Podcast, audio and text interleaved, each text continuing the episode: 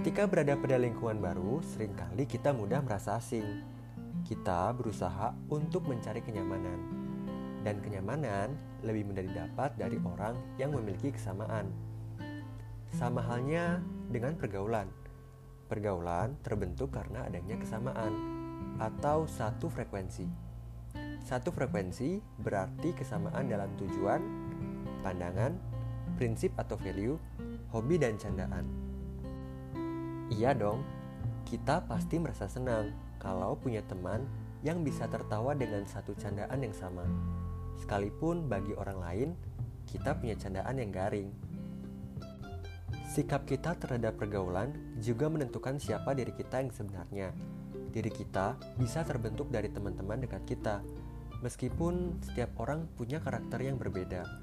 Namun, secara tidak langsung, hal tersebut dapat saling mempengaruhi. Disadari atau tidak, tindakan kita terhadap satu hal juga didorong oleh lingkungan terdekat kita. Itulah kenapa ada peribahasa, bertemanlah dengan tukang minyak wangi, karena kita akan kebagian wanginya. Memang sih, mengkotak-kotakan pergaulan terkesan terlihat tidak baik. Tapi dalam sisi lain, pengkotakan adalah bagian dari cara seseorang untuk terhindar dari rasa tidak nyaman. Setiap orang punya preferensinya sendiri untuk mencapai apa yang membuat mereka nyaman. Maka tidak aneh kalau tiap individu selalu punya kecenderungan untuk pilih-pilih teman. Tentu, berteman itu dengan siapa saja, tapi jika bergaul secara intens, pasti setiap orang punya kriterianya masing-masing. Kuncinya ada tiga, adaptasi, momen, dan waktu.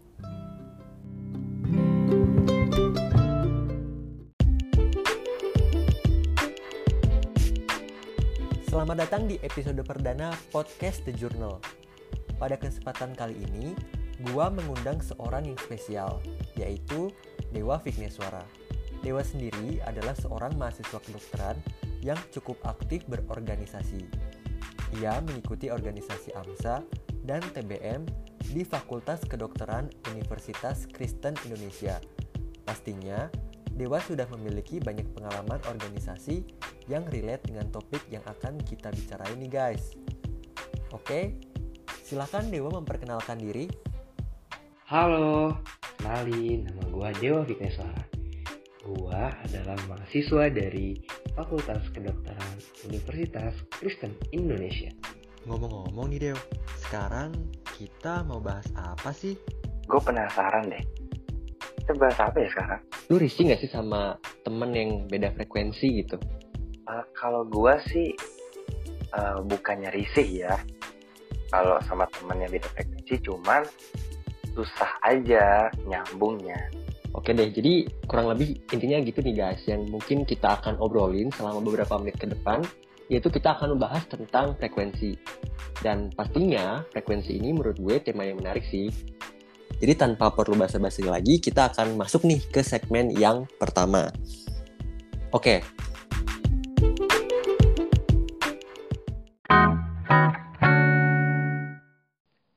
Denger tentang kata frekuensi, Deo, apa sih yang ada di pikiran lo tentang frekuensi? Kalau menurut gue ya, kalau gue mendengar kata frekuensi, tentunya pasti uh, gue bakal berpikir ke fisika, karena kan uh, itu fisika pelajaran SMA dulu tuh kita belajar frekuensi itu frekuensi gelombang lah dan sebagainya.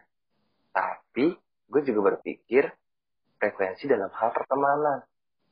Gitu sih Jack dari pas kita belajar SMA pun kita tahu kalau misalnya ada loh yang namanya frekuensi gitu jadi sedikit review nih kan biar enggak aku-aku banget jadi frekuensi itu adalah ukuran jumlah terjadinya sebuah peristiwa dalam suatu waktu nih. Frekuensi itu menurut gue ada di dalam hal apa pun sih. Jadi gue mendefinisikan frekuensi itu adalah suatu rentang gitu. Jadi mungkin kayak rentang seberapa cocok sih lu sama si A gitu. Seberapa cocok sih lu sama si B. Mungkin gue sih mendefinisikan frekuensi kayak gitu sih. Terus nih, kan tadi di dalam pertemanan ini ada frekuensi gitu kan Deo? Iya. Nah, sebagai seorang teman lu tuh termasuk orang yang picky gak sih maksudnya dalam arti kayak lu pilih-pilih temen gitu uh, oke okay. awalnya gue itu emang seorang yang suka pilih-pilih teman awalnya tapi semakin ke sini gue semakin sadar ternyata emang gak boleh pilih-pilih teman. Dan kalau gue sih kalau temenan ya temenan aja dan mencari teman yang sefrekuensi nanti bakal ngalir sendiri sih. Itu sih kalau dari gue hmm, jadi lu tipikal yang oh ya udah lu berteman sama siapa aja terus nanti pasti ada deh titik temunya gitu ya berarti lu ya? Ya benar banget sih.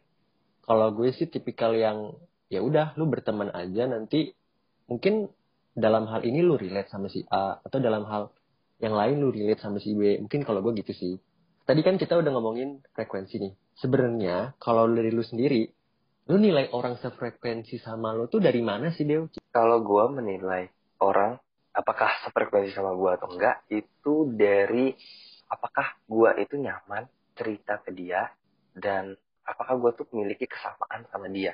Contoh, misalkan gue itu ingin mencari support system dalam hal belajar. Kemudian gue mengajak teman gue yang A, eh ternyata dia juga semangat nih dalam hal belajar. Nah, gue menganggap bahwa teman si A ini berfrekuensi sama gue karena dia ternyata mampu menjadi support system gue gitu. Dan pastinya nanti ke depannya gue yakin hal itu bakal membuat gue tuh nyaman, gitu. nyaman ada di uh, bersama dengan dia. Kalau dari gue ya, jadi gimana sih cara kita nilai orang dia sefrekuensi sama kita atau enggak? Sebenarnya banyak aspek sih. Tadi lu udah benar juga menurut gue kayak aspeknya kan banyak banget. Jadi pertama kayak dalam hal belajar gitu apakah si A ini kira-kira dia prinsipnya itu sama nggak sih sama kita? Kayak apakah dia memang orangnya tadi semangat belajar atau punya tujuan yang sama kayak gitu. Lu ngerelate nggak sih sama kayak topik-topik obrolan? Kan kadang kayak kita ngobrol sama si A nih topiknya itu kita kayak familiar banget. Cuman kadang kita ketika kita ngobrol sama si A, wah dia kayaknya kurang rasa relate nih. Nah, itu bisa kemudian dalam hal apa pun sih kayak hobi, kemudian juga kayak kebiasaan pun ya kalau menilai orang frekuensi lo sama enggak ya menurut gue bisa dari hal tersebut gitu. Jadi kita bisa detailin satu persatu. Nah, kurang lebih itu nih kalau untuk segmen pertama. Kita lanjut ya Deo. Menurut lu seberapa penting sih punya temen yang emang sefrekuensi sama lu? Hmm, kalau menurut gue ya, itu penting banget sih. Penting banget karena ya seperti gue bilang tadi, kalau kita punya teman sefrekuensi maka kita pasti juga nyaman dan uh, relate sama orangnya ini. Uh, kalau kita punya masalah, kita bisa cerita sama dia. Dan kalau kita membutuhkan sesuatu, contohnya kita butuh support system yang tadi gue kasih contoh, tentang belajar, itu ya, uh, jadi ada ada teman gitu. Ada teman. Nah, tapi bukan berarti teman yang nggak frekuensi kita singkirkan gitu aja. Nah, itu tuh yang nggak benar. Karena yang gue tahu, temen yang sekarang sefrekuensi belum tentu suatu saat nanti itu bakal sefrekuensi juga. Kalau dari gue sih, itu sih, Ji. Hmm, paham, paham. Jadi, mau menyimpulin aja nih. Jadi, kalau dari lu tuh, kenapa kita perlu orang yang sefrekuensi? Mungkin lebih tepatnya kita mencari namanya zona nyaman sih. Menurut gue gitu sih. Jadi, uh, ketika kita punya zona nyaman itu, kita merasa kita aman, kita merasa kita cukup nyaman ketika menceritakan sesuatu apa pun itu ke orang, ya menurut kita itu mereka sefrekuensi. Pun dengan sefrekuensi menurut gue it's easy to relate gitu loh. Jadi ketika lo nyeritain sesuatu tuh nggak nabrak gitu loh. Jadi pun lu nggak butuh effort. Jadi teman lu ketika lu cerita sesuatu, dia tuh udah kenal lu gitu. Jadi sehingga ya kalian cepet gitu, nemu titik tengahnya cepet dan jadi kalau ditanya penting gak sih punya temennya sefrekuensi? Menurut gue penting banget soalnya untuk menemukan dia itu tidak mudah gitu. Benar. Pun tadi lu bilang, ini gue setuju banget sih tadi. Yang sekarang sefrekuensi belum tentu nanti sefrekuensi soalnya ya balik lagi soalnya pilihan dari orang itu beda-beda kan proses hidup orang kan beda-beda jadi itu penting banget sih punya temen yang sefrekuensi. Oke, lanjut ya. Jadi kita akan masuk ke segmen ketiga. Oke, setuju nggak sih kalau perbedaan itu emang akan selalu ada dalam pertemanan? Uh, kalau gue sih setuju sih karena bukan hanya di skala lingkungan pertemanan aja ya, di skala circle terkecil kita pun gitu keluarga itu pastinya juga bakal ada perbedaan di di suatu saat nanti. Di di momen-momen tertentu nah apalagi di pertemanan dan menurut gue itu hal yang wajar tapi di sinilah bagaimana cara kita menyikapi perbedaan yang ada dalam pertemanan agar kita uh, tidak mempunyai masalah atau dendam pribadi dengan dengan sama teman kita. Di sinilah kita diuji bagaimana sikap kedewasaan kita. Itu sih. Dan kita harus mencari jalan keluarnya supaya perbedaan ini uh, tidak berlangsung secara terus menerus dan kalau gue sih gitu sih. Hmm, paham paham. Sebenarnya gini sih kalau dari gue sendiri lo nggak mungkin relate sama temen lo dalam segala hal. Jadi pasti dalam hal apa pun lo pasti menemukan perbedaan. Tadi gue setuju banget. Pun di pertemanan lo punya pacar lo punya orang tua dan nggak mungkin mereka itu langsung setuju sama ya. apa yang kita pikirkan tapi sebenarnya gini sih kalau menurut gue jadi pertemanan itu memang akan menemukan suatu perbedaan. Pun harusnya memang seperti itu karena dari perbedaan tersebut teman-teman kita bisa melengkapi kekurangan kita. Kalau dari gue sih gitu ya. Jadi kita ajukan statement nih misalnya gue pengen gini nih. Nah mungkin kalau teman kita langsung setuju aja mungkin kita nggak tahu nih apa-apa aja sih yang bakal terjadi. Kita nggak tahu apa yang good and bad-nya gitu. Jadi kita nggak dapet tadi tukar pikiran itu nggak ada menurut gue. Ketika lo Benar. punya teman yang emang ya udah sefrekuensi gitu. Mungkin iya lo butuh teman sefrekuensi tapi perbedaan pendapat juga menurut gue penting untuk mendesain suatu keputusan. Menurut gue gitu sih. Tapi kalau setuju nggak kalau perbedaan itu akan selalu ada? Menurut gue gue setuju banget sih. Kita lanjut nih ke segmen keempat gimana sih cara kita nyikapin orang yang emang beda frekuensi sama kita kalau gue cara menyikapinya adalah ya jangan menjauhi dia uh, dan cukup berteman aja gitu. Hanya sebatas pertemanan yang di mana kalau dia membutuhkan kita, oke, okay, kita siap membantu. Kita juga misalnya kita butuh bantuan dia, ya bisa aja gitu. Jadi uh, hanya sebatas pertemanan aja, nggak sampai kita cerita masalah privasi kita misalnya gitu kan. Kalau kalau apa namanya kita punya teman frekuensi pasti kita sudah berani menyampaikan hal-hal yang sampai kenapa gue bilang uh, hanya apa ya cukup berteman aja dan nggak usah dijauhi karena siapa tahu nih di orang ini yang tadinya nggak sefrekuensi sama kita suatu saat nanti bakal sefrekuensi karena kita sebagai manusia pasti butuh momen momen tertentu untuk mencapai frekuensi itu. Nggak nggak nggak pastinya nggak langsung dong. Secepat kilat kita langsung aja punya frekuensi yang sama dengan teman kita gitu. Nggak mungkin. Pasti kita butuh momen kita butuh proses. Itu sih. Karena gini J, jujur aja gue dulu punya pengalaman sih. Gue punya pengalaman yang cukup berharga. Uh, eh, gue dulu SMP itu punya temen yang yang kalau gue lihat itu kayaknya gue tuh nggak seneng banget gitu. Ini orang kenapa sih? Kayak aneh gitu. Hmm, paham nah, paham. nah, ada tuh gue juga kayak gitu tuh. Iya gue jadinya ada rasa timbul benci gitu lah buk ya benci, Waduh. benci ngeliat lah gitu bener gue jujur SMP mungkin gak nyaman lah ya kita iya benar benar iya, iya.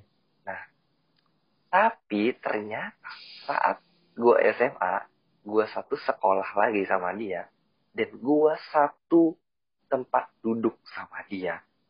Nah, kita kan selalu kontak ya, kita kontak fisik, kontak emosional gitu.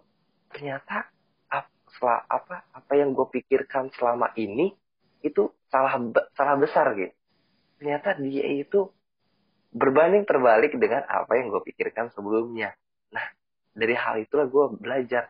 Ya lu nggak boleh ngeliat orang itu dari sisi luarnya aja lu harus deket sama dia lu harus ada momen tertentu untuk bisa menjalin hubungan sama dia nah nanti saat itulah lu bisa menilai orang itu bagaimana hmm oke okay, oke okay.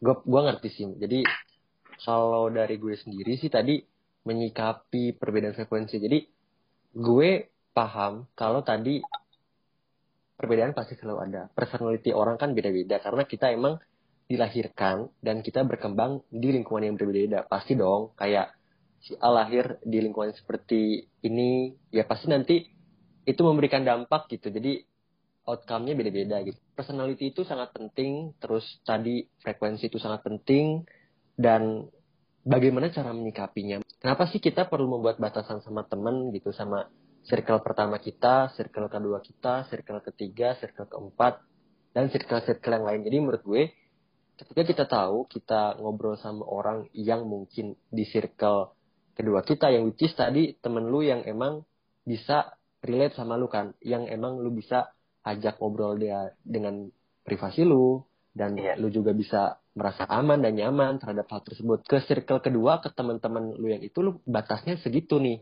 skopnya segitu, cakupannya segitu. Dan lu nggak bisa memperlakukan orang yang ada di circle ketiga dengan kemampuan seperti itu, dengan kapasitas seperti itu. Jadi ketika lu memperlakukan seperti itu, lu cerita sama orang yang mungkin belum terlalu kenal lu, belum terlalu tahu nih Dewa nih sebenarnya gimana sih orangnya gitu. Jadi ketika lu cerita ke sana, mungkin asumsi mereka bisa aneh-aneh nih. Dalam arti kayak mereka nggak relate, mereka jadinya ya tidak mendengar kita dengan baik dan jadinya jadi miskomunikasi lah gitu. Jadi kan kita nggak mau itu terjadi. Kita harus melihat orang berdasarkan kapasitasnya masing-masing gitu. Dan yang ketiga, teman kelompok misalnya kayak gitu. Komunikasinya sebatas kelompok aja gitu. Mungkin kita uh, lihat frekuensinya mungkin kalau sama dia kita mungkin baru bisa sebatas ngomongin tentang pelajaran aja gitu jadi menurut gue itu sih. Jadi kayak dengan lu menciptakan boundaries gitu, lu bisa menilai gitu. Seberapa dalam sih hubungan lu dengan orang itu. Dan dengan hal tersebut, lu bisa tahu kayak, oh si A ini kapasitasnya segini, si B kapasitasnya segini. Nah, dengan lu bisa membuat batasan dan boundaries yang jelas antara satu teman dengan teman yang lain, menurut gue, itu tadi, lu menjadi orang yang secure sama diri lu. Secure dalam artian gini jadi kayak lu nyaman sama diri lu dan lu juga trust others gitu. Jadi kadang kita tuh gimana ya gak percaya orang gitu. Jadi kadang salah dalam menetapkan batasan tadi. Jadinya tadi kita nggak percaya orang gitu. Padahal sebenarnya teman kita ini percaya kita gitu. Cuman kita jadi nggak enakan gitu. Kalau dari gue sih kayak gitu deh oke deh jadi tadi kita udah bahas sebenarnya gimana sih cara nyikapin orang yang beda frekuensi sama kita. Oke nih, kita akan lanjut kesimpulan. Nah, menurut lo, apa sih kesimpulan dari topik yang kita bahas hari ini? Oke, kesimpulan. Yang bisa gue ambil dari pembicaraan kita kali ini adalah kita sebagai namanya kita sebagai manusia, kita pasti butuh zona nyaman ya. Tadi sudah lu katakan. Dan Salah satu zona nyaman itu adalah kita memiliki teman sefrekuensi. Dan itu sangat penting. Karena untuk membangun uh, apa namanya ke kepribadian kita, kepercayaan diri kita. Tapi kalau kamu punya teman yang tidak sefrekuensi, ya jangan di jangan ditinggalin atau jangan dimusuhin. Uh, nah, itulah yang salah. Karena ini yang gue ulang-ulang lagi karena ini adalah pengalaman gue sendiri. Temen yang sekarang sefrekuensi sama lu belum tentu nanti ke depannya bakal sefrekuensi lagi. Dan begitu juga sebaliknya. Tetaplah menjaga hubungan sama teman-teman kalian ya. Gue setuju sama statement terakhir lu sih. Menjaga hubungan sama teman lu. Itu itu itu benar banget. Soalnya gini uh, terkadang terkadang nih ya kadang teman kita lagi sibuk mungkin uh, lagi nggak ada momennya nih mungkin nggak ada lagi nggak ada waktunya. Nah itu dia. Kadang cara untuk menjaga temen supaya dia tetap sama kita gitu dalam arti kayak kita punya maintain nih kita bisa maintain teman yang emang sefrekuensi sama kita adalah tadi dengan komunikasi sih menurut gua. Kayak sebenarnya lu udah tahu nih dia sefrekuensi sama lu. Udah udah udah cocok nih. Cuman karena beberapa waktu beberapa momen kalian nggak ketemu kalian nggak ngobrol lagi yang tadinya sefrekuensi sama lu bisa jadi orang yang nggak sefrekuensi sama lu. Ya tadi saran gue sih ya lu mungkin bisa maintain hubungan gitu sih dengan cara komunikasi gitu sih. Tapi seenggaknya kayak you know each other terus kalau dari gua nih pastilah lu menemukan perbedaan gitu. Nggak mungkin lu relate dalam sama orang dalam segala hal. Jadi gue sendiri lebih prefer menciptakan batasan dan membuat boundaries antara diri gue dan orang-orang di luar diri gue. Dan dengan itu gue jadi tahu kapasitas dan peran orang itu masing-masing. Nah kenapa gue ngelakuin itu? Kita tuh kayak ngelihat pertemanan itu antara yang bisa dan yang nggak bisa yang relate dan gak, yang gak relate. Dan menurut gue itu nggak baik. Ada orang yang emang close friend gue orang yang emang gue ajak ngobrol setiap hari. Dan kemudian juga ada orang yang emang gue cuman ngobrol ketika dapat kelompok doang gitu. Di kuliah atau di sekolah gitu. Dan ada juga teman yang kita kayaknya asik banget kalau diajak jalan.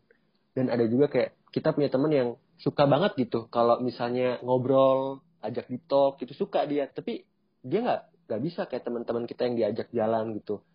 Dan menurut gue kita harus tahu gitu tadi orang-orang tadi. Dan kita juga nggak bisa maksain kapasitas dia kapasitas teman gue nih yang tadi uh, suka diajak ngobrol suka diskusi jadi teman jalan misalnya gitu.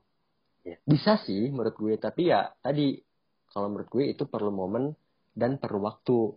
Dari circle ketiga tadi contohnya jadi circle kedua. Pun dari yang circle kedua pun menurut gue ya bisa di circle ketiga. Jadi cara untuk menyikapi perbedaan frekuensi itu menurut gue dengan menciptakan batasan tadi.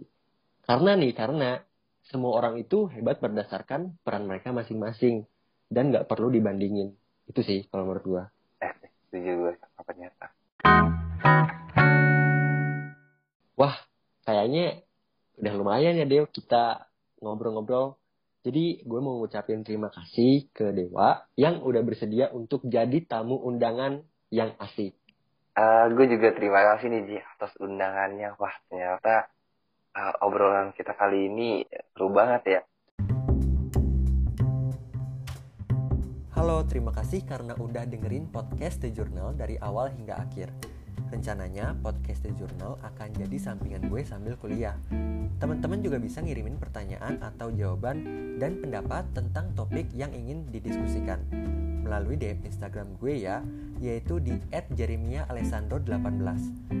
Sampai jumpa di episode-episode menarik lainnya, di mana kita akan mengundang narasumber-narasumber yang gak kalah keren. Last but not least, thank you.